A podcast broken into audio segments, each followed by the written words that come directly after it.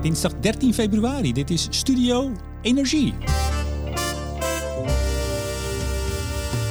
Vorige week kwam het CBS met cijfers over huishoudelijk gebruik van hout in de haard. En twee weken geleden kreeg de Kamer een petitie aangeboden tegen grootschalige boomkap.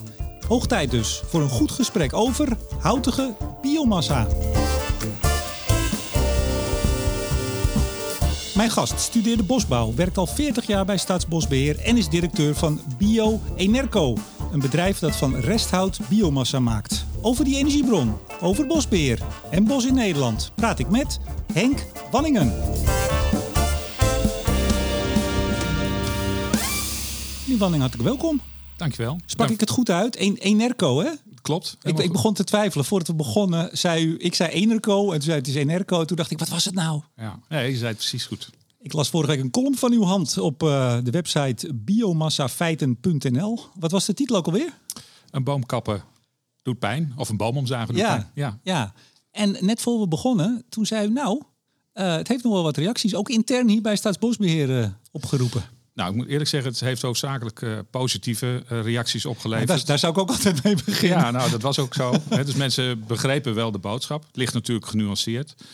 Um, maar ja, het, het, in die nuance uh, probeer je natuurlijk de boel goed te duiden. Maar ja, het raakt mensen bomen omzagen. Hè, dat blijkt maar weer. Dat roept emoties op. Ja, nou, er was een petitie aangeboden. 37.045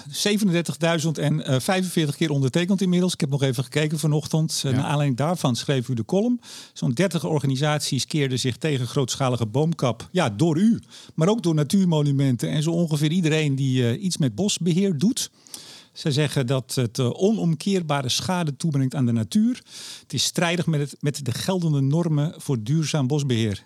Ja, ik ja. kan me voorstellen dat u dan denkt als u uw hele leven daarmee bezig bent. Ik ga maar eens even wat terugzeggen. Nou ja, kijk, het, het, het, beeld dat opgeroepen wordt wanneer er gesproken wordt over grootschalige houtkap, zou dat betekenen dat we op grote schaal onze bossen uh, aan het vernietigen zijn. Ja, dat beeld dat ligt veel genuanceerder. En dat heb ik geprobeerd uh, duidelijk te maken in mijn column. Uh, Kijk, ik herken wel dat er uh, in het Nederlandse landschap en in de natuur uh, bomen worden omgezaagd. Dat gebeurt om allerlei verschillende redenen. Dat gebeurt omwille van de houtoogst. Dat gebeurt om recreatieve doeleinden. En dat gebeurt ook om de natuur verder te helpen. En uh, dat laatste, hè, dat leidt soms tot wat grotere oppervlaktes die, die ontdaan worden van bomen en bos. Ja, dat roept een beeld op van grootschaligheid. Ja, we gaan het er allemaal over hebben. Prima. Komend, nou ja, ik weet nooit van tevoren. Uurtje meestal, hè? Ongeveer. Ja, we gaan het zien. Um, Nederland ontbost zelfs sneller in het Amazonegebied. Die wou ik meteen nog even checken. Dat is een claim van de organisatie. Is dat zo? Nou, dat kan ik me niet voorstellen. Ik heb de cijfers niet paraat, dus het is best wel moeilijk om dat nu even heel stellig te zeggen. Maar dat beeld, dat herken ik niet. In Nederland worden de bossen beschermd. Uh, en in het Amazonegebied, daar vindt grootschalige omvorming voor de landbouw plaats. Nou, op die schaal en dat tempo gebeurt dat hier niet. We zitten in Deventer op het kantoor van Staatsbosbeheer. Niet het hoofdkantoor, hè, dacht ik. Dat zit in Amersfoort. We hebben in Amersfoort staat ons uh, hoofdkantoor, ja. Klopt. U werkt al 40 jaar voor de grootste boseigenaar van, uh, van, Nederland. 25% van al het bos is van u. Uh, nou, van ons allemaal. Ja, en dus... ook nog veel meer. Hè. Het is niet alleen bos, maar enorm veel oppervlak. En Hippie 125 jaar. Klopt. Dit jaar. Ja. Is er al taart geweest op kantoor? Nou, er stond net wel taart. Ik wou het je nog aanbieden, maar je liep er voorbij. Uh, ja, 125 jaar. En het mooie is, het, uh, het thema van dit jaar is ook bos. Dus uh, nou. ja, dat is, zijn we ook aan onze stand verplicht, denk ik. Dat wist ik niet. Kan je nagaan. Nee, want dat wist ik niet. Als ik dat zo zeg, dan zeg ik ook eigenlijk een beetje... Jullie liggen nogal onder vuur, hè? Staatsbosbeheer. Door dit soort petities nou ja, al een ik, tijdje. Ik denk dat de, de, meeste mensen hebben een heel positief beeld van ons. Dat, dat, dat vooropgesteld. Ja, je zei net al, goede, goed nieuws, dat moet je altijd als eerste brengen ja. misschien. Maar dat is denk ik ook zo. De meeste mensen die waarderen ons om onze activiteiten... die met name toch te maken hebben met, met het beheer van het landschap... en van de natuur en van de bossen. Maar ja, er zijn natuurlijk ook gevoeligheden. En in een overvol Nederland doe je het nooit voor iedereen altijd goed. En het goed uitleggen voor het voetlicht brengen is ook moeilijk. Dat blijkt. Nee, maar ook voor uh, Frits van Beuzenkom. Kan de naam hier nog uitgesproken worden? Oud-staatsbosbeheer-directeur die zich nou, 2019, 2020 in meerdere opinies in NRC en veel aangehaald in andere media zeer hard tegen zijn oude werkgever heeft gekeerd. Hè. Hou op met het zinloos rooien van ons bos. Ja. Uh, het, het, gaat er hard aan toe. Zullen we het zo netjes zeggen? Ja, nou ja, of het nou heel hard is, weet ik niet. Maar het is in ieder geval wel zo dat er discussie is over uh, onze rol. Kijk, en Frits van Beuzenkom denkt misschien dat we er alleen voor de natuur zijn. En dat is niet zo. Dus het ligt bij ons altijd uh, toch uh, wat complexer om het uit te leggen, omdat we meerdere doelen dienen. Nou, en niet, niet ja, alleen dan ja, natuur. En ik dacht dat u ging zeggen, het gaat om de nuance, want daarom ben ik hier natuurlijk Precies. ook. Ja, ja. Um, ja, ik zei het al, bosbouw gestudeerd, 40 jaar bij Staatsbosbeheer. Toen ik dat net zei, toen, toen zag ik een. Ja, wat zag ik eigenlijk op uw gezicht? Van poei, dat is een lange tijd? Of? Nou, dat is ook zo. Het is overigens niet helemaal 40 jaar, maar wel bijna 40 jaar. Ja, het is. Ja, die tijd die vliegt gewoon voorbij. Als je het niet oplet, dan is ja, het voorbij. Je bent jonge vent en dan zit je ineens na 40 jaar. En het is niet meer zo gangbaar misschien om ergens 40 jaar te werken. Maar het is heel prettig om bij zo'n organisatie als de onze te werken. Dus ik, heb daar, ik kijk daar helemaal niet met uh, negatieve gedachten aan terug. Helemaal Goed niet. zo. Ja. Uh, statutair directeur van Bio Enerco. Uh, dat is een joint venture van dan weer biogrondstof, of dat heet weer energiehout. Nee, dat heet biogrondstoffen. Oh, dat heet biogrondstoffen. Dat is weer Staatsbosbeheer, maar ja. met drie andere bedrijven. Dat is dus samen die joint venture Bio Enerco. Dan bent u nog betrokken bij dat biogrondstoffen. Dat is dus echt ja. een staatsbosbeheerbedrijf. Uh, en u bent, nou, u hebt heel veel nevenfuncties gehad. Ik zeg, mensen, zoek hem even op. Als je het, ja, hè, ik ga ze niet allemaal doen. Maar vooral, en dat is wel interessant, voorzitter van de stichting Platform Bioenergie. Althans, tien jaar lang geweest. Ja. ja.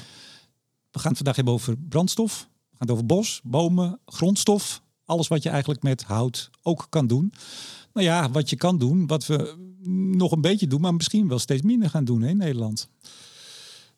Je bedoelt wat we meer met, met hout kunnen doen. Dat is, ja. ja. ik moet eerlijk zeggen, ik denk juist dat we steeds meer met hout gaan doen. Als je uh, ook gaat kijken naar de ambities die Nederland heeft, is dat wat we meer klimaatbeleid gaan, uh, gaan uitvoeren op allerlei takken van sport. Ook in de bouw, ook in de chemie en ook in de materialensector. Als we dat duurzamer willen doen, dan moeten we meer hernieuwbare grondstoffen gaan gebruiken. Uh, minder uh, mineralen en minder, ja, minder olie en minder gas. Ja, en dan moet je iets doen met wat groeit. En dan is hout uh, een hele belangrijke, omdat hij van zichzelf al hele goede kwaliteiten in zich heeft. Dus ik denk dat we meer hout gaan gebruiken. en, en dat daarmee eigenlijk onze leefomgeving en onze, ook het wonen, dat dat gewoon prettiger en beter gaat worden.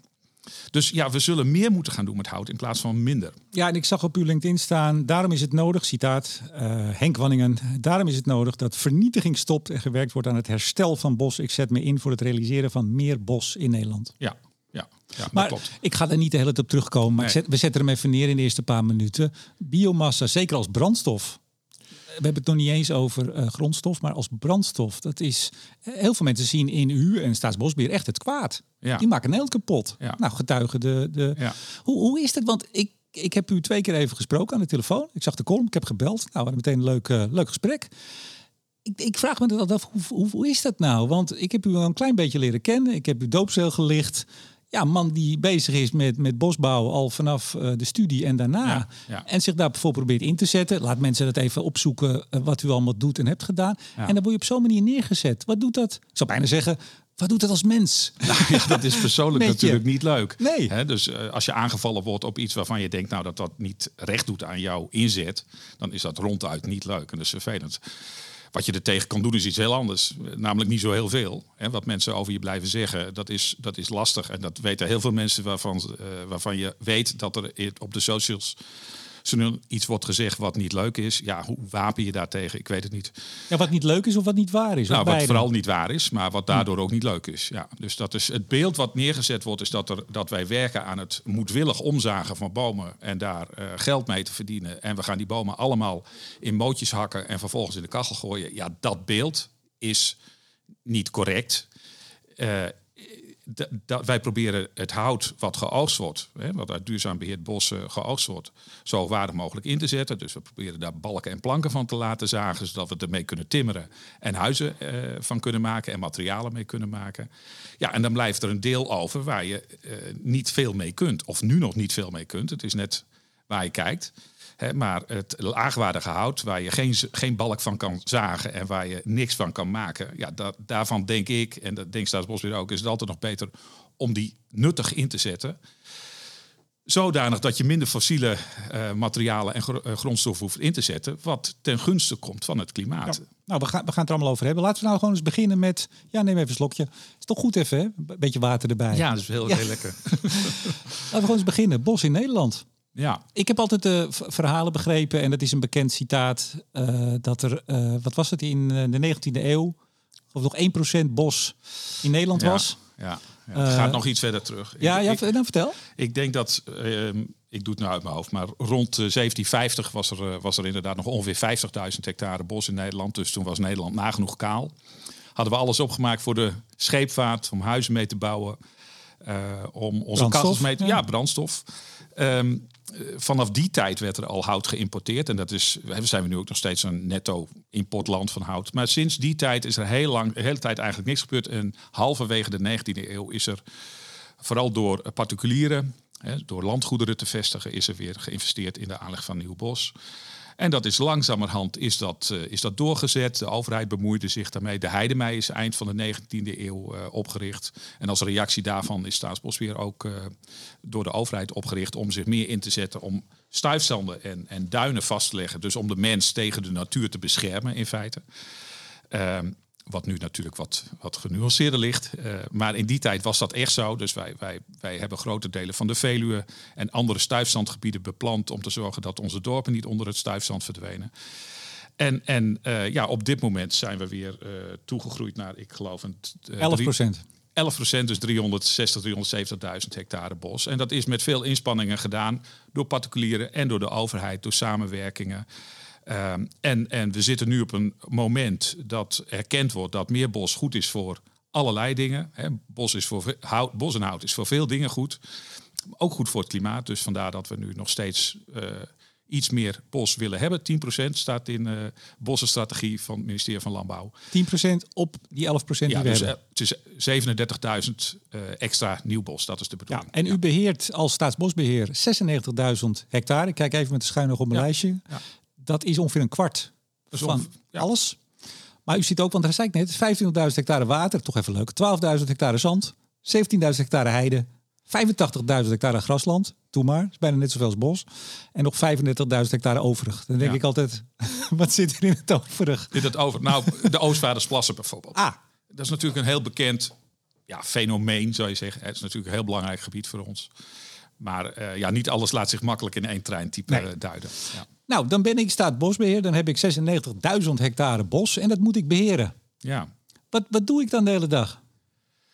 Uh, ja, wat doe je dan elf dag? Kijk, het, het, het, fijne van bos is dat het allemaal heel langzaam gaat. Dus uh, bos ontwikkelt zich langzaam. Dus je kunt best wel een jaartje achterover leunen. Er verandert er nog niet zo heel veel. Lijkt me heerlijk werk hier. Uh, nou, het is ook best wel aanpoten, moet ik zeggen. Uh, maar het is vooral kijken van welke functies wil je, uh, wil je bedienen. En bij Staatsbosbeheer denken wij dat het niet gaat over één functie, maar over allerlei verschillende functies. Dus bijvoorbeeld ook over um, recreatie, over natuur, over vastlegging van CO2 en houtproductie. En dat probeer je op een uh, goede manier in te vullen. Dus wij noemen dat multifunctioneel bosbeheer waarbij uh, die verschillende functies naast elkaar voorkomen, die elkaar ook wel eens bijten. Dus het is ook zoeken van waar doe je het een en waar doe je het ander en wanneer doe je het een en wanneer doe je het ander. Van die 96.000 hectare bos is, hebben wij uh, globaal een derde uh, is aangewezen als natuurbos. Dus daar ligt de nadruk op het beschermen en het ontwikkelen van natuurkwaliteiten. En in de andere, het andere deel, daar is, uh, dat is multifunctioneel. Dus daar wordt ook hout in geproduceerd en ook hout in geoogst. Dus daar, daar komen die verschillende functies ook. Uh, zeg maar, als je ze soms naast elkaar ziet liggen, soms ja, is dat ook wel echt keuzes maken. Ja. ja. Dus, dus ja? het is vooral keuzes maken en het is ook duidelijk uitleggen van wat doe je nou in dat bos. En, en, en het punt natuurlijk is, als je een boom omzaagt, dan lijkt dat altijd tegen de natuurwetten in te gaan. Want bomen moet je van afblijven. Dus vandaar dat ik zeg, hè, bomen omzagen, dat doet pijn. En dat ja, maar, maar oké, maar laten we die meteen even pakken. Ja. Uh, die 30 groeperingen, het zijn ook allemaal bos- en houtbeschermingsgroeperingen. Ja. Het zijn niet allemaal actiegroepen, het zijn ook gewoon eh, stichtingen en, en die, ja, die ook het landschap willen beheren. Ik verwoord niet zozeer hun sentiment, maar even het mijne. En wat ik de laatste jaren vanuit de energiehoek veel heb gezien. Hè. Eigenlijk moet je bos gewoon met rust laten. Zelfs als het doodgaat, laat me vallen, laat me liggen doodhout, goed, biodiversiteit, gewoon eigenlijk vanaf blijven. Ja. Wat, Ja, dat- dat zegt u kan. dan? Dat kan. We hebben ook hoekjes in Nederland waar dat gebeurt. Dat zijn bosreservaten. Maar als je die andere functies ook wilt bedienen, dus je wilt en het beste voor natuur en voor klimaat en voor recreatie, dan is dat misschien niet voor alles de goede oplossing. Nee, wat, waar- waarom zou dat Dus goede oplossing zijn? kijk, het beeld is natuurlijk dat bossen onze longen, de longen van de aarde zijn. Ik sprak laatst met Simon Klinger, die ook eh, daar aardige boekjes over heeft geschreven. Over eh, mythes en, en, en gedachten die over het bos leven.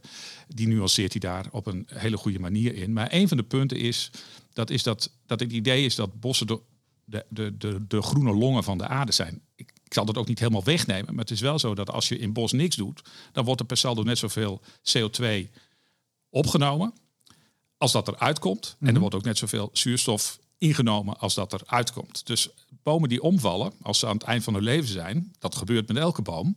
Als je niks doet, dan valt hij om en dan gaat hij verrotten. En dan gaat hij alle CO2 die hij opgenomen heeft, die gaat hij ook weer afgeven, want dat hout dat gaat verrotten. Dus ja, als je naar het klimaat kijkt, hè, daar, daar ben ik erg van. Als je naar de klimaatfunctie kijkt, dan zou je zeggen van nou, dat bos dat legt CO2 vast in de vorm van hout. Als je dus nu dan op een redelijke manier, dus minder bijgroei oogst dan dat er, hè, dus minder oogst dan er bijgroeit, dan haal je de opgeslagen CO2 eruit. Die buffer je in toepassingen, in gebouwen, in, huizen- tafel. in deze tafel. En in huisbouw, woningbouw bijvoorbeeld echt voor hele lange tijd. En daarmee buffer je dus de opgeslagen CO2 in onze economie. Ja, dat doe je niet als je niks doet in dat bos. Nee, het is misschien goed even. Ik heb nog even eh, gisteravond wat cijfers gepakt. Ik zeg meteen de bron er maar even bij, want oh, dit is een gevoelig eh, onderwerp. Dus iedereen kan even meelezen Ja, dan. ja. Eh, het Compendium voor de Leefomgeving, CLO, website. Eh, bericht van februari vorig jaar. Dat was het meest recent wat ik kon vinden. Dat is een eh, artikel met alle cijfers over de ontwikkeling van het Nederlandse bos 2001-2021. Ehm, ja, en daar staat het ook eigenlijk dat eh, er wordt minder ge- geveld, minder gekapt. De, Ja. de hoeveelheid hout, zowel, u kent dit allemaal, levend en dood hout, die neemt toe. Ja, wat goed is. Ja, Ja, dus we krijgen, we krijgen meer, althans we krijgen Ja. meer hout kubieke meters. ja. Alleen één ding, het oppervlak van het bos in Nederland, dat neemt wel af. Ja. Ja, Hoe dus komt het- dat? Dus je ziet, nou eerst even ingaand op Ja. hoe het nou zit met, die, met oogst van, eh, van hout uit, uit bos. Ja, dat is al, al, al sinds eeuwen zo dat we in de, in de West-Europese Europese tradities wordt er gemiddeld minder geoogst in het bos dan er bijgroeit. En dat komt omdat we dat bos volwassen willen laten worden. Zoals als ik net al zei, dat bos dat is zeg maar eigenlijk hoofdzakelijk na de eh, eh, tweede helft van de 19e eeuw aangelegd. Dat is in mijn beleving nog steeds relatief jong bos. Eh, ja, dat moet tot wasdom komen. Er moet variatie in komen. Er moet diversiteit in komen. Er moeten ook zware, dikke bomen in komen. Komt ook steeds meer. Even, was ik nog vergeten, afgelopen 20 jaar steeds gevarieerder Ja. bos hebben we in Nederland. Ja, ja, Ja. dat komt omdat we. Eh, Aanvankelijk was dat bos dat werd aangelegd in monocultures, dus oppervlaktes met één soort, eenvormig. Die werden, eh, als ze aan het einde van hun zogenaamde omloop waren, integraal gekapt. En dan werd daar opnieuw werden de bomen ingeplant. Nou, dat idee dat hebben we al een hele tijd losgelaten. Dus dat betekent dat er, eh, er wordt meer op uitkapbasis geoogst. En er wordt ook in veel kleinere groepen wordt er bos verjongd. En als je bos wilt verjongen, dan moet je een kleine oppervlakte. Eh, ja, daar moet je wat bomen verwijderen om jonge bomen de kans te geven. Maar we doen dat op zo'n manier, dus dat er in principe altijd meer oogst is, op een of meer bijgroei Ja, is kijk dan uit, dat er kijk uit. Ja, meer, meer kap dan dat bijgroeit, dan houdt het inderdaad snel op. Maar daar zorgen we voor dat dat niet gebeurt. Eh, daar worden we ook op geaudit door FSC.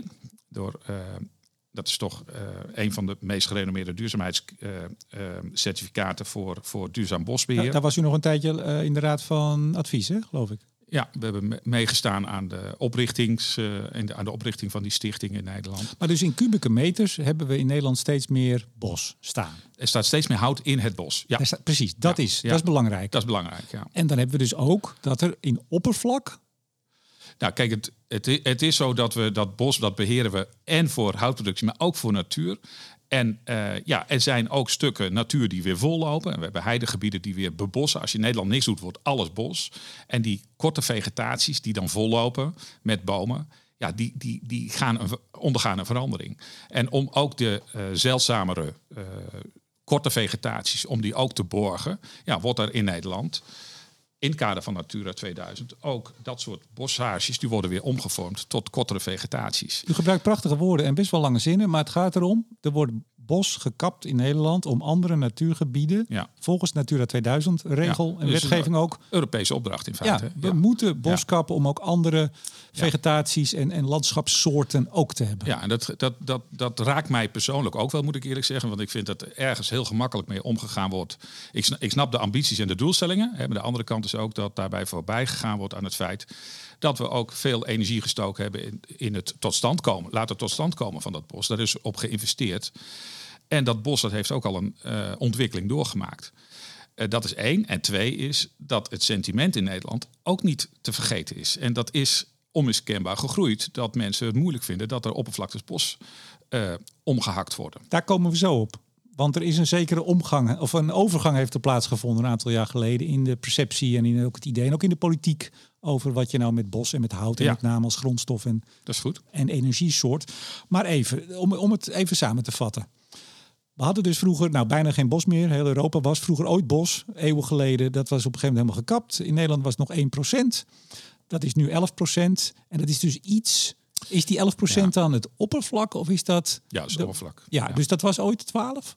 Of zit het meer in de tiende Nee, procenten? dat, dat is in de tiende van procenten. Maar je moet het zo zien. Als je het echt in de lange termijn, termijn perspectief ziet, dan zie je een stijging. Ja. En ook als je de bossenstrategie van het ministerie van de LNV daarnaast zet, is er nog steeds sprake van een stijging. Want daarin staat ook dat wij nog gaan groeien naar, eh, met 37.000 hectare Ja. bos extra. Dus dat als je dat in het lange termijn perspectief gaat plaatsen, dan groeit het areaal bos. Ja. En er zit een rimpeling in, zo beschouw ik dat, eh, met het oog op eh, omvorming naar eh, andere natuur. Dat moet ook wel weer gecompenseerd worden overigens. Hè. Dus dat is ook... eh, Ja, met terugwerkende kracht 2017, Ja. 3400 hectare. ja, die moet opnieuw in, aangeplant worden. En ik denk dat daar ehm, eh, zeg maar eigenlijk ook wel wat gemakkelijk aan voorbij is gegaan. Dat dat, dat, dat inwisselbaar, de, hè, de inwisselbaarheid van de ene vorm van natuur voor de andere vorm, dat dat min of meer uitlegbaar is. Maar ik begrijp goed dat dat lastig en gevoelig ligt. Dus ja, ik vind het ook logisch dat daar eh, opnieuw voor aangeplant moet worden. Ik moet eerlijk zeggen, ik vind het één op één eh, compensatie dan eigenlijk vanuit klimaat gezien aan de matige kant. Eh, want er gebeurde meer in een hectare oud bos dan dat je in een aangelegd nieuw bos voor elkaar krijgt op korte termijn. Dus ik zou eigenlijk wel wat vinden dat er wat ruimhartiger gecompenseerd zou worden. Maar ja, dat, dat moet wel gebeuren. Maar ja. dat, dat moet met terugwerkende kracht. Dus dat hebben we eerst niet gedaan. En dat is vanaf 2017. Hè? Ja, ja. Maar toen was denk ik het idee, maar vult u me alstublieft aan of corrigeer mij. Eh, nou, we hebben bos en dat is ook natuur. En we hebben ook andere natuur nodig. Dus dan doen we daar een stukje bos minder. En dan krijgen we daar, nou wat kregen we dan? In Heide, heide, heide, ja, bijvoorbeeld, ja. Ja. ja. Ehm, toen Of er wordt, ook, er wordt natuurlijk ook om, eh, eh, omgekapt vanwege, niet alleen vanwege natuur op zich, wel vanuit natuurdoelstelling, maar het gaat ook over stikstof bijvoorbeeld.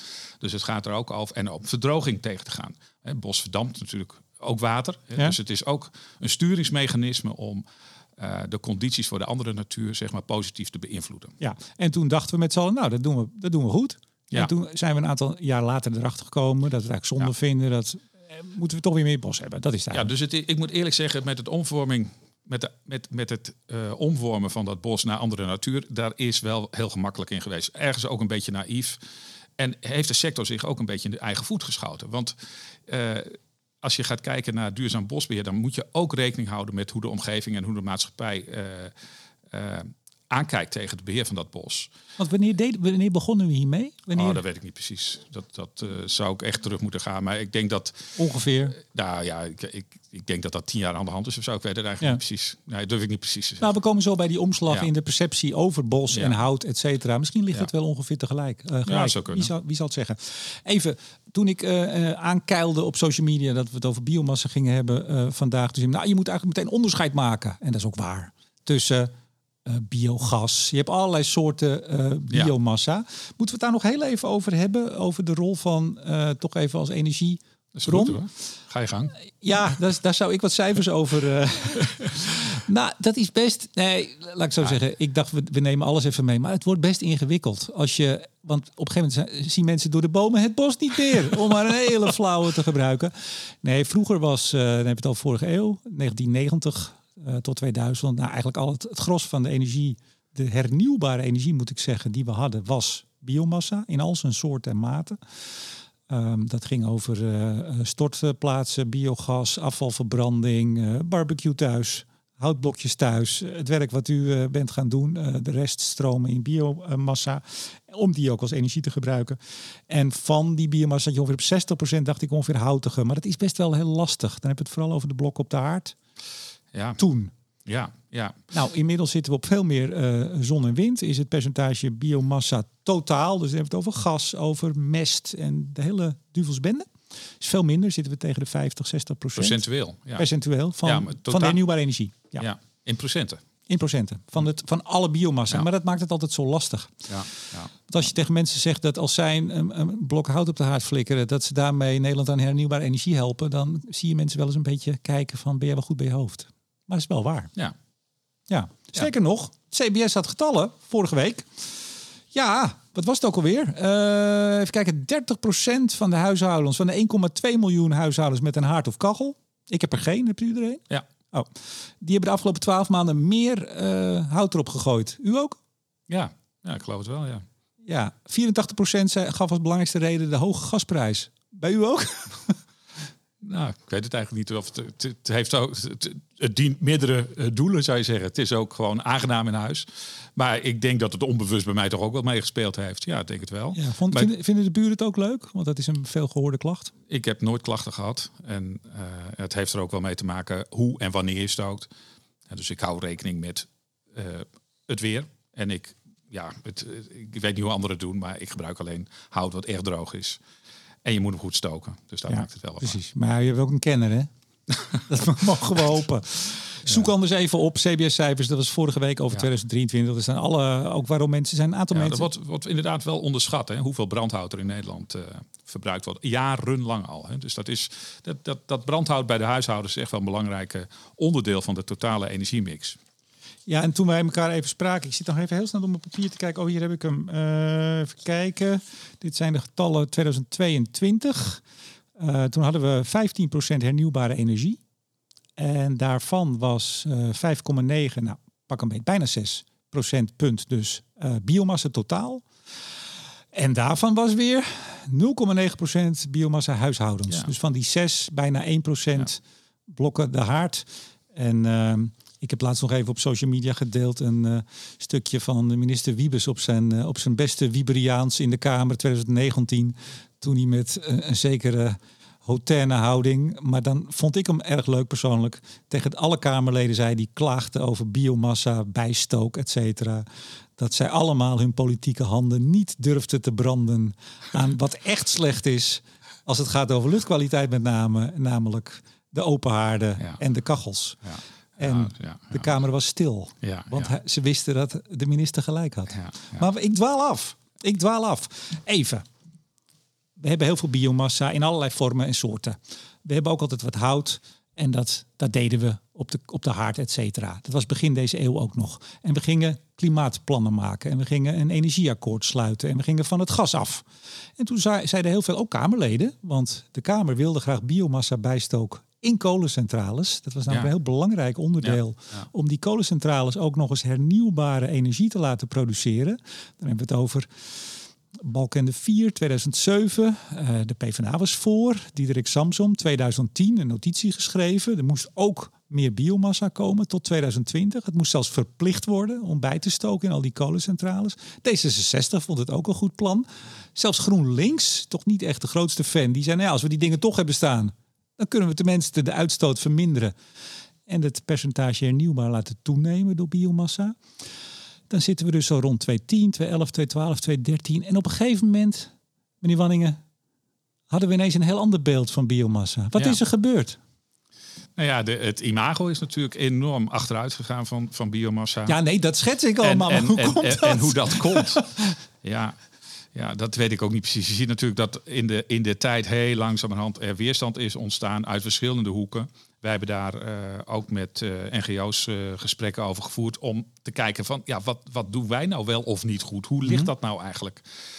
dus we hebben ook een keer een stakeholdersconsultatie gehouden over met name die, die bijen meestook. Toen ging het ook over de productie van pellets in Nederland, waar wij geen betrokkenheid in hadden en ook nu nog steeds niet hebben. Uh, maar we dachten, ja, wat moeten we daar nou mee? Want we hebben biomassa. En, en moeten wij nou ook op die pellets gaan gokken? Of moeten we in die, in die, in die, in die, in die ontwikkeling meegaan of niet? Nou, de NGO's die gaven eigenlijk destijds aan dat ze dat uh, niet zozeer bij ons vonden passen. Ze luisterden ook echt naar ons verhaal. Ze zeiden, jullie hebben eigenlijk een heel sterk verhaal. En namelijk inzet van, uh, van, van takken en toppen van bomen die overblijven bij het beheer om daar iets nuttigs mee te doen. Dat is op zich heel goed. Maar uh, ja, wij merkten wel dat er een, in die tijd, in die aanlooptijd, een, een, een lichte. Nou, nou, er waren vraagtekens bij het inzetten van kolencentrales voor de opwekking van bio-energie. Dus het, Welke tijd zitten we nu ongeveer? Ja, ik denk dat dat inderdaad rond deze tijd is geweest die je net noemt. Zou 2010 zoiets in die orde van grootte moet dat mhm. ongeveer geweest zijn, denk ik. Misschien iets eerder. Uh, en toen, toen merkten we eigenlijk dat zeg maar, het onderwerp kolen, dat ligt eigenlijk gevoelig. En, en, en, en doordat dat, daar, daar biomassa in meegegaan is, is het hele begrip biomassa heeft een negatieve uh, duiding gekregen. Dat is mijn snelle analyse. Ja. En uh, ja, daarmee is eigenlijk de rest van biomassa en bio-energie eigenlijk mee geslachtofferd. Zo, zo ervaar ik het wel eens. Want als ik ga uitleggen over wat wij nou precies doen, als je dus helemaal precies gaat uitpellen van wat voor soorten biomassa er zijn, en je gaat de voorbeelden noemen, dan zijn er voor die, voor die, voor die andere duidingen dan de inzet van pellets in kolencentrales, is vaak heel veel begrip. En is er eigenlijk ook helemaal niet zo heel veel weerstand. Althans, niet zo heftig als dat de inzet van pellets in de bijen ook is, is of is geweest. En um, ja, daar heeft de sector eigenlijk in zijn geheel uh, erg veel last van gehad. Dus daarmee zijn je ook, door, als je een begrip plat slaat tot ja, biomassa is biomassa, dan is alle biomassa fout. Inmiddels, zover is het gegaan. Ja, dan, dan zie je er maar uit te vechten. Dat is heel erg moeilijk. Dus je komt als, um, als partij die in die, in, in die, in die activiteit uh, bezig is, uh, ja, krijg je vragen te beantwoorden die eigenlijk niet op je slaan. Uh, of waarvan je denkt, ja, er wordt hier iets over mij verteld wat eigenlijk geen, geen betrekking op mij heeft. Mm uh, ja, dat is wel eens heel erg moeilijk. Dus je probeert dan wel duidelijk aan te geven van... kijk, wij zijn niet van de pellets. Het gaat niet over import van, van, van biomassa voor kolencentrales. Uh, ja, daar kun je trouwens ook wat van vinden. Hè. Dus dat heeft nou echt die duiding gekregen. En dat, dat is heel moeilijk om als je een stempel opgezet krijgt... omdat er weer, van, om dat er weer af te wassen. Ja. Dat is heel erg moeilijk. Nou ja, ik zei, die column hebt u geschreven op biomassafeiten.nl. Ja. Um, ik heb hier nog even de, de partijen erbij die erin zitten. Uh, nou ja, Uniper, RWE, dus de kolencentrale ja, zitten erbij. Ja. De NVDE, de Vereniging Duurzame Energie, ook. Uh, Energie Nederland. Uh, de, de, de, de pellet, de houtpelletkachel, jongens, noem ik ze altijd maar even. Maar ja, ook Enviva. En dat is wel echt een pellet producer, hè? Ja. Dus neem maar dus samen in Nederland in zo'n toch een beetje een, een website en een soort poging om maar nog, ik, ik vul maar even in, uh, om nog wat nuance te brengen en wat feiten te brengen. Ja, dat, dat de pelletjongens en, de, en, en, u zeg maar zitten toch een beetje in hetzelfde schuitje, sowieso. Nou, we hebben er allemaal last van, dat is waar, ja. En ik heb hier, we, zijn, we zijn ook aangesloten bij de NVA. Dat is, uh, dat is ook omdat we zien van ja, er is gewoon...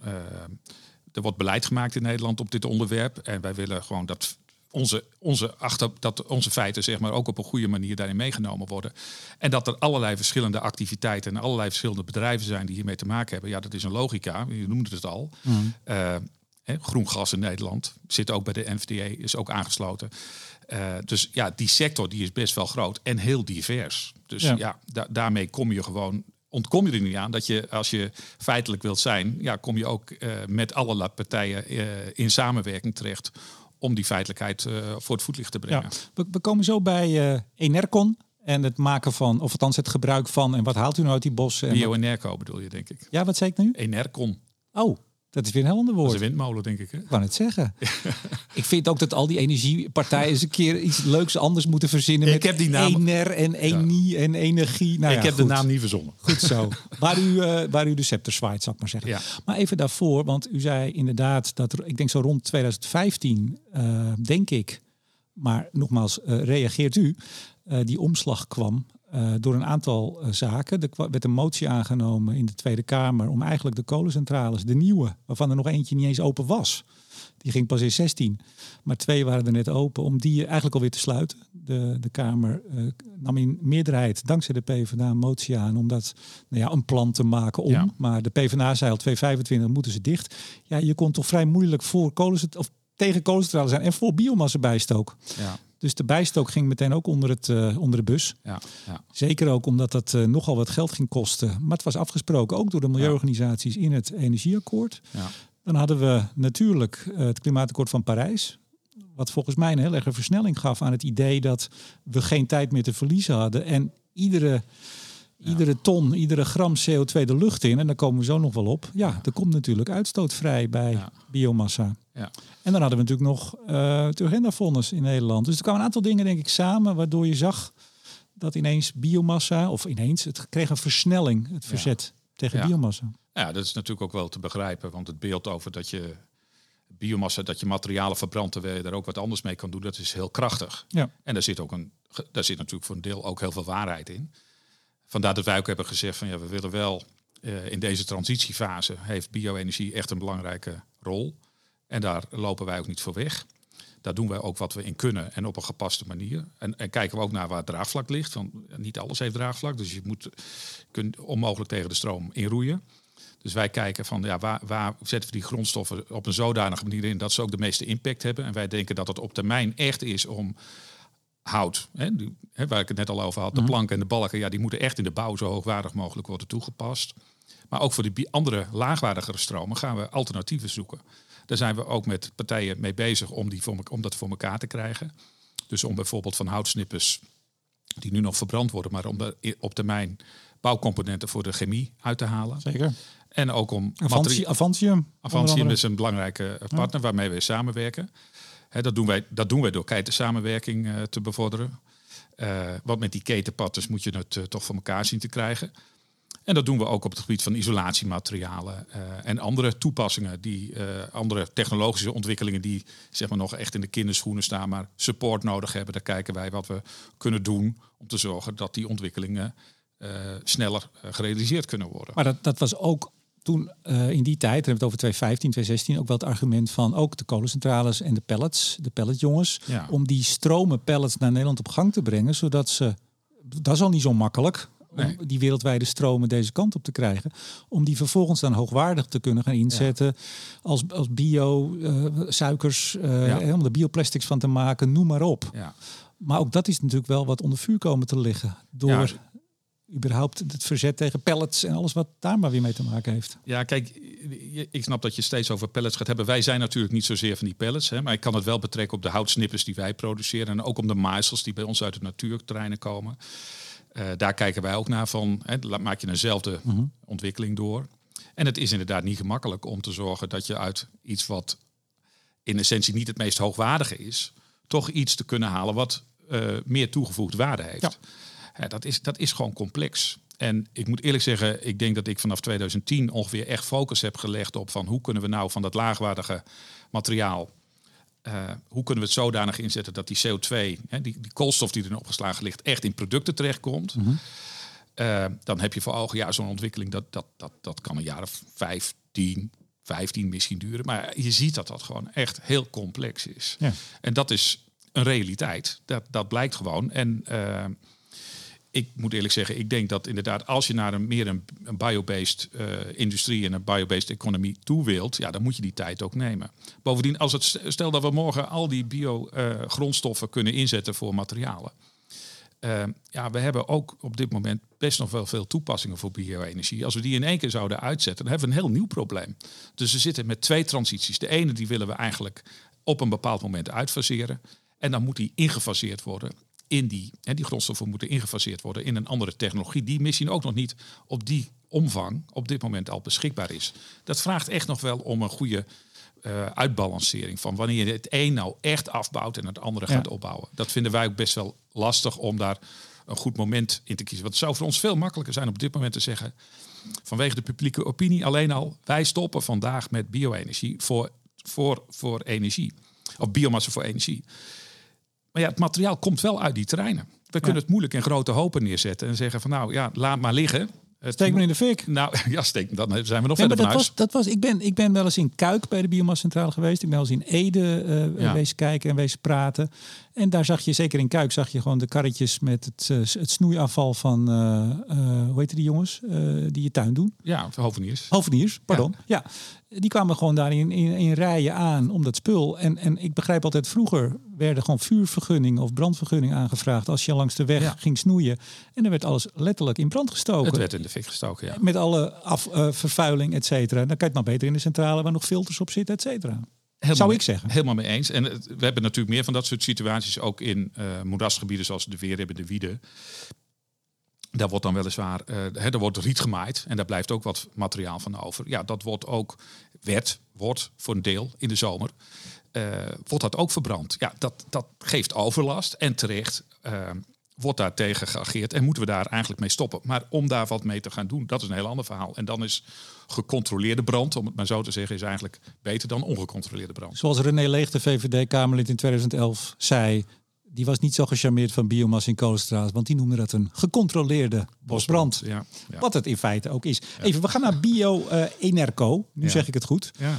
Uh, al nou, ruim twintig jaar bent u daar ook uh, uh, aan het bewind, zou ik maar zeggen, als medewerker van Staatsbosbeheer, geen, geen aandelen en zo. Nee, nee. Ik ben daar gedetacheerd vanuit Staatsbosbeheer. Precies. Nou, jullie, jullie halen wat jullie uh, uit, zelf eruit halen en de andere drie bedrijven uit bossen met snoeien, tophout.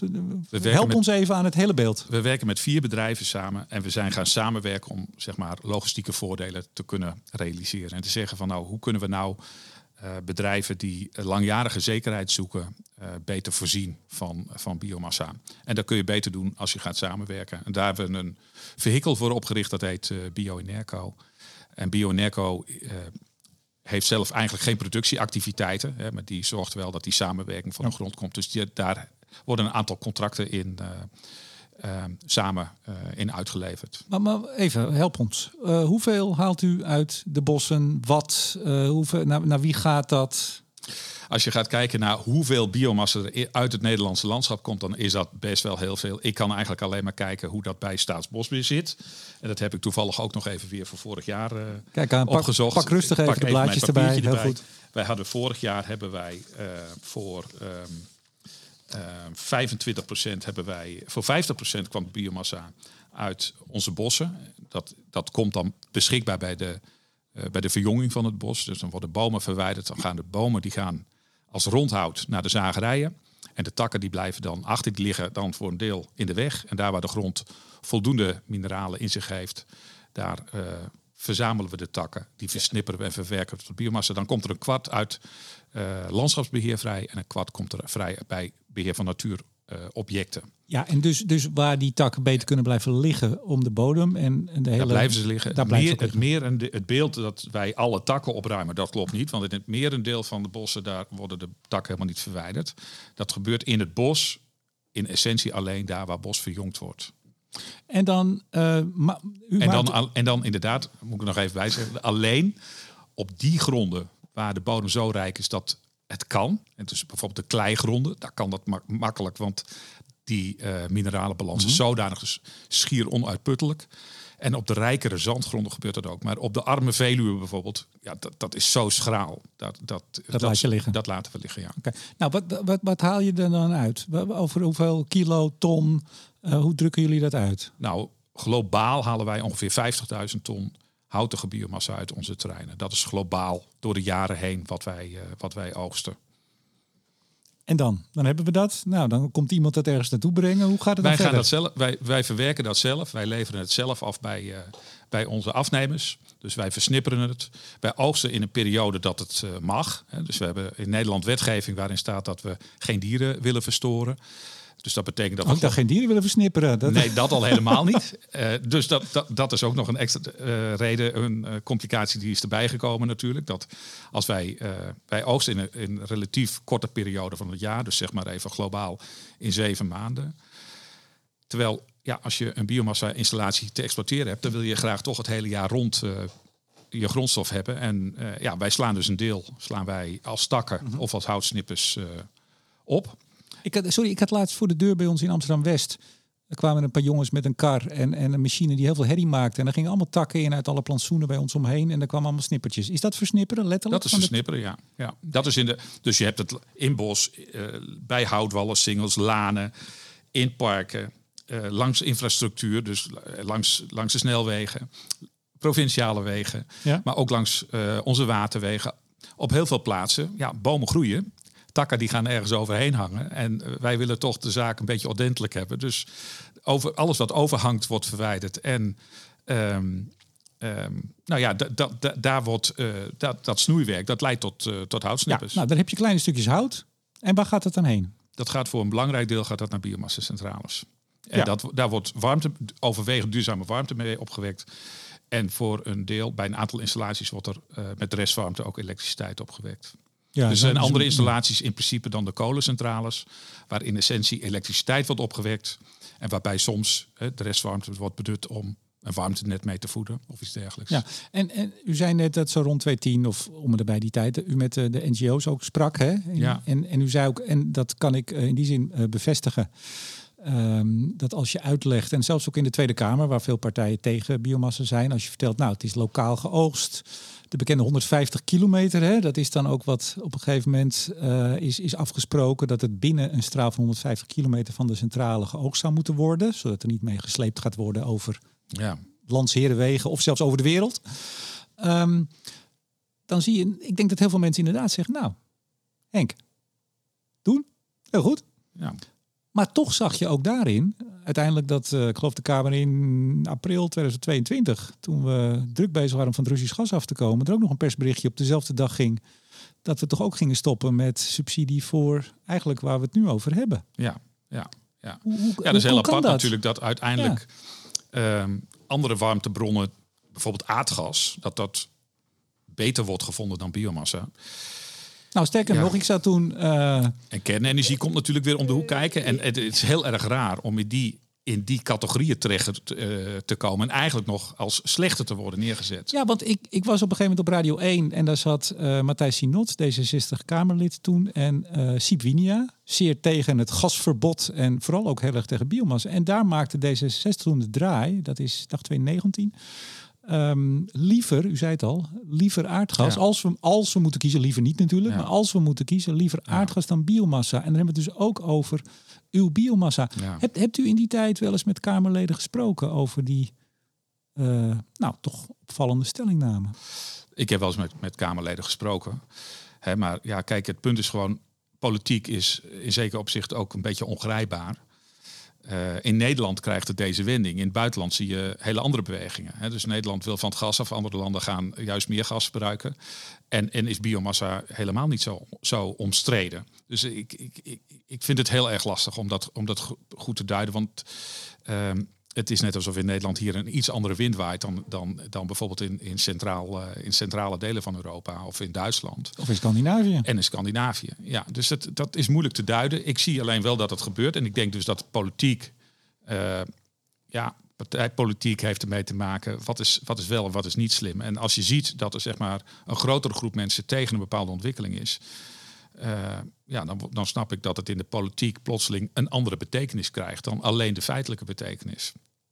Tja, u zegt het mooi. Ja, zo zie ik het ook. maar ik heb nog wel eens persberichten gekregen van, dat is uh, volgens mij ook aangesloten bij de biomassafeiten.nl uh, club. De keteljongens en VKL en nou. De ja, ja, Nederlandse brancheorganisatie van ketelleveranciers, geloof ik. Al die afkortingen. Ja. Maar dat, uh, dat, nou, daar, was, uh, daar gingen heel veel banen verloren. Want dat, ging som, dat gaat soms van het een op het andere moment. Als subsidie stopt ja. of niet verlengd wordt en er is onzekerheid nou, in de ja, markt. De subsidies zijn op zich niet beëindigd, want de, de lopende beschikkingen. Ja, tegen nieuw, hè? Maar het gaat over nieuw en dat met name alleen tegen de laagwaardige warmte. De hoogwaardige warmte is niet uitgesloten. Dus... Wat is hoogwaardig? Nou ja, of hoogwaardige warmte. Dus ligt een grens. Nou, kom je op het technisch gebied. ben niet helemaal ingevoerd. Maar ik geloof dat die bij 100 graden ligt. Dus installaties die warmte produceren onder de 100 graden. Dat die zijn volgens mij uitgesloten van, uh, van subsidie. Andere installaties niet. Dus het beeld dat alle biomassa's dat alle subsidies voor alle biomassa zijn afgeschakeld, dat is niet waar. Maar de bekende warmtenetten, Purmerend, Ede, wat, wat is dat laag of hoogwaardig? Nou ja, dan moet je per installatie gaan kijken hoe Hm. de techniek precies is. Hm. Het is wel zo dat als je iets verbrandt, de temperatuur al snel boven de 100 graden komt. Hè, maar ik weet niet precies hoe, hoe de temperatuur in die netten op zich eh, verloopt. Maar het is in ieder geval zo, als je stoom hebt, of eh, daar is natuurlijk naar gekeken voor de industrie. Als je hogere temperaturen nodig hebt voor productieprocessen, dan ligt dat rendement Ik waarschijnlijk. denk dat de warmte net niet boven de 100 komt. Maar ik zal ik direct gecorrigeerd worden Maar ik- door eh, luisteraars. Nou ja, goed. In ieder geval, daar raak je een missie een punt. En eh, je ziet dat daar, eh, dat daar inderdaad dat besluit is genomen. Maar de vraag, nog even terug naar je vraag. Want Ja, weet ik ook niet meer. je weet je niet. Nee, laten we, laten we ook hier niet te veel in blijven hangen. We hebben vastgesteld Nou ja, ik- dat jullie... Ik jullie wil er wel dit over zeggen. Ja. Van, kijk, het, het, het beeld is natuurlijk dat het, het gaat erover dat mensen vinden dat je materiaal, houtig materiaal. eh, en ik denk dat het beeld wordt opgeroepen dat we hele bomen en hele bossen verbranden zijn, dat we dat, dat we dat niet willen. Nou, dat kan ik alleen maar beamen, dat willen wij ook niet. Ik denk dat het verstandig is om die reststromen wel in te zetten. Ook wanneer dat nog niet kan voor, eh, voor materialen, om dat dan nu toch in te zetten voor, voor energie. Dat lijkt me in een transitiefase gewoon nodig. Omdat we gewoon nou één keer alle toepassingen nodig hebben. Eh, dus om, om eh, te zeggen het een wel en het ander niet. Ik denk dat we vanwege de urgentie de keuze helemaal niet kunnen maken. Onze inzet is dat wij, wanneer het kan, eh, wij gaan omschakelen. Dus van, van, van inzet van biomassa voor verbranding naar toepassing voor eh, Hoogwaardige. hoogwaardigere Ja. toepassingen. A, om eh, partijen die daarmee bezig zijn, om die ook vooruit te helpen. Want ik, ik weet dat innovaties moeilijk van de grond komen. Dus dan moet je ze ook zorgen dat ze de condities krijgen om die ontwikkeling door te maken. En ook om een voorbeeld te stellen. Wij willen daar koploper in zijn om te laten zien van datgene wat ons voorstaat, dat het ook mogelijk is. En dan moeten we de beweging ook maken. Daar is niet altijd het geld de belangrijkste eh, eh, drijfveer. Daar is meer de doelstelling om eh, het goede te doen, is belangrijker dan uiteindelijk de, de financiële kant. Ja. En hoe gaan we verder? Want er zijn dus inderdaad allerlei berichten afgekondigd, eh, ook door het kabinet, of maatregelen tegen laagwaardig, et cetera. U levert, althans eh, de club waar u eh, bij zit, levert dat spul. Dan hebt u toch iets gemerkt, vraagteken, bij afnemers, of zij nog wel of niet van u gaan afnemen, of niet? Ja, nou ja, in die zin dat, dat, dat wij, wij hebben afspra- leveringsafspraken en, die, en die, die, die, die komen wij na. Ja, natuurlijk. Dus, dus Maar hoe lang Deze- lopen uw contracten? Bedoel, Is dat tien jaar of is dat vijf jaar? Of, eh, Eh, nou, dat- die hebben een variabele lengte. Dus zijn niet allemaal. Maar wij werken niet met kortlopende contracten. Dus wat, eh, dat, daar zijn we ook wel een beetje afwijkend in dan, dan de gangbare eh, afspraken in de markt. Die zijn meestal kortlopend van een jaar, denk ik. Eh, wij hebben, eh, omdat wij ons, ons beheer ook zeg maar eh, langjarigheid in zich heeft. En we zijn van duurzaam beheer. Dus dat betekent dat cycli ook regelmatig terugkomen. Dus we hebben continuïteit eh, nodig. En wij vinden het dus wel prettig dat we langjarige afspraken hebben. Maar die zijn op dit moment vijfjarig. Die zijn langer geweest. En dus we hebben ook contracten van, sorry, van 10 en 15 jaar gehad bijvoorbeeld. Maar nu zitten we in kortere cycli. Ook om eh, ja, sneller te kunnen schakelen wanneer die mogelijkheid er is. Maar laat ik zo zeggen, eh, kijkt u naar voren naar de komende vijf jaar, ziet u daar dan Tuurlijk. een gat vallen? In de zin van, ik krijg het straks niet meer kwijt, eh, waar laat ik de biomassa? Nee, nee, dat denk ik niet. Ik denk niet dat wij een probleem gaan krijgen om het eh, af te kunnen zetten. Ik zie dat die exploitaties gewoon doorgaan. Die, die, de, de netten, de warmtenetten, eh, ja, die zijn gewoon de komende 10, 20 jaar voor een deel nog afhankelijk van biomassa. Dus ik denk dat dat ook niet maar zo van de een op de andere moment is afge... afge- Kan het dan betekenen als ze geen subsidie krijgen? Maar dat, is nog even, dat hangt dus even of het over die warmtenetten gaat. Maar al- als ze geen langere subsidie meer krijgen over tien jaar, dan zullen, zal het duurder Ja, worden. die exploitaties gaan er anders uitzien. Ja, Ja. dat klopt. Ja. Maar ja, dat zal met fossiele installaties ook het geval zijn. Ja. We zijn natuurlijk nu wel bezig om die prijzen eh, binnen de perken te houden voor de consument. Maar als je echt langjarig gaat kijken, dan kan het toch niet zo zijn dat wij fossiel eh, goedkoop blijven, eh, kunstmatig laag, die prijs kunstmatig laag laten zijn. Dat, dat, als we zien dat we met de klimaat de verkeerde kant op gaan, dan zitten we nu op een niveau wat dat eigenlijk niet rechtvaardigt. Als je minder fossiele energie wilt gebruiken, ja, en je wilt, je wilt er wat mee, dan moet je het denk ik ook duurder maken. Ja. Nee, maar dat gebeurt Dus dan zal, al. dan zal biomassa eh, en, en, en, en, en, en, en eh, fossiele bronnen, die zullen zich denk ik beter tot elkaar gaan verhouden. We, we zien het natuurlijk al dat sowieso gas al werd duurder gemaakt in het Ja. kader van de transitie. Ehm, ja, inderdaad, het zal duurder worden. Het zal duurder worden. Ja. Nou, dan is dat, dat is een heel positief beeld. ik luister meer podcasts, die zijn ook niet allemaal even positief. Maar, uh... Het is zeker over uh, Boekenstein in de Wijk, vermoed ja, ik daar zomaar. Ja, ja, ja, dat soort jongens. Hè. Ja, dat soort jongens. Zijn wij rond? Of, of hebt u nog wat op uw hart? Want u hebt, u hebt een, een soort iPad, of nee, u hebt een, een bloknoot liggen, nog een, een, laptop. Nee hoor, nee? Ik, als je tevreden bent, ben ik ook tevreden. Ja, nou ja, ik hoop, ik hoop uh, dat we in dit kleine uurtje wat, wat meer, een beter beeld hebben kunnen geven. Prima, ja. Van ik bedoel, u moet dat dagelijks doen, denk ik. Uh, nou, hier binnen misschien niet, maar buiten wel. Uh, misschien nog eens na een bewonersavondje. Doet u dat? Ja hoor. Ja. ja, ja, ja. Uh, ik, ik, ik, ik, ben benieuwd. kijkers, wou ik zeggen. luisteraars die zullen misschien wel reageren of dit nou iets, iets toevoegt. Nou, ben benieuwd. Ja, ja, zit dan een beetje voor me uit te filosoferen, merk ik. Ja, ik, ook toen ik, toen ik u benaderde. Kijk, ik vind het ontzettend leuk om zo'n gesprek te hebben. Maar je vraagt je soms wel eens af bij dit soort onderwerpen. Wat heeft het eigenlijk nog voor zin? Dat is niet, ook niet een hele optimistische gedachte. Ja, ja. Hè? Dat je, als je nou, ziet hoe scherp de, de, de meningen liggen en de verhoudingen. En, nee, kijk, het is echt veel gemakkelijker om te zeggen, we, we stoppen hiermee. Dat is echt heel gemakkelijk. Maar daar helpen, daar helpen we de wereld echt niet mee vooruit. Dus het is, het is uh, je zult... Um, maar dat, dat, dat beeld dat heb ik de laatste jaren toch al gekregen. We zullen gewoon meer verantwoording moeten afleggen over wat we doen. Op alle vlakken, maar ook op dit vlak. Dus ja, uh, iets niet doen omdat er weerstand is, ja, dat wil nog niet zeggen dat het het meest verstandig is. Daar gaat het denk ik om. Henk Wanningen, uh, chef hout van Staatsbosbeheer, noem ik u maar. Okay. Uh, hartelijk dank voor het gesprek. Dankjewel. Graag gedaan. En uiteraard bedank ik ook jullie, beste luisteraars. En in het bijzonder alle vrienden van de show. Mijn naam is Remco de Boer. Graag tot de volgende keer.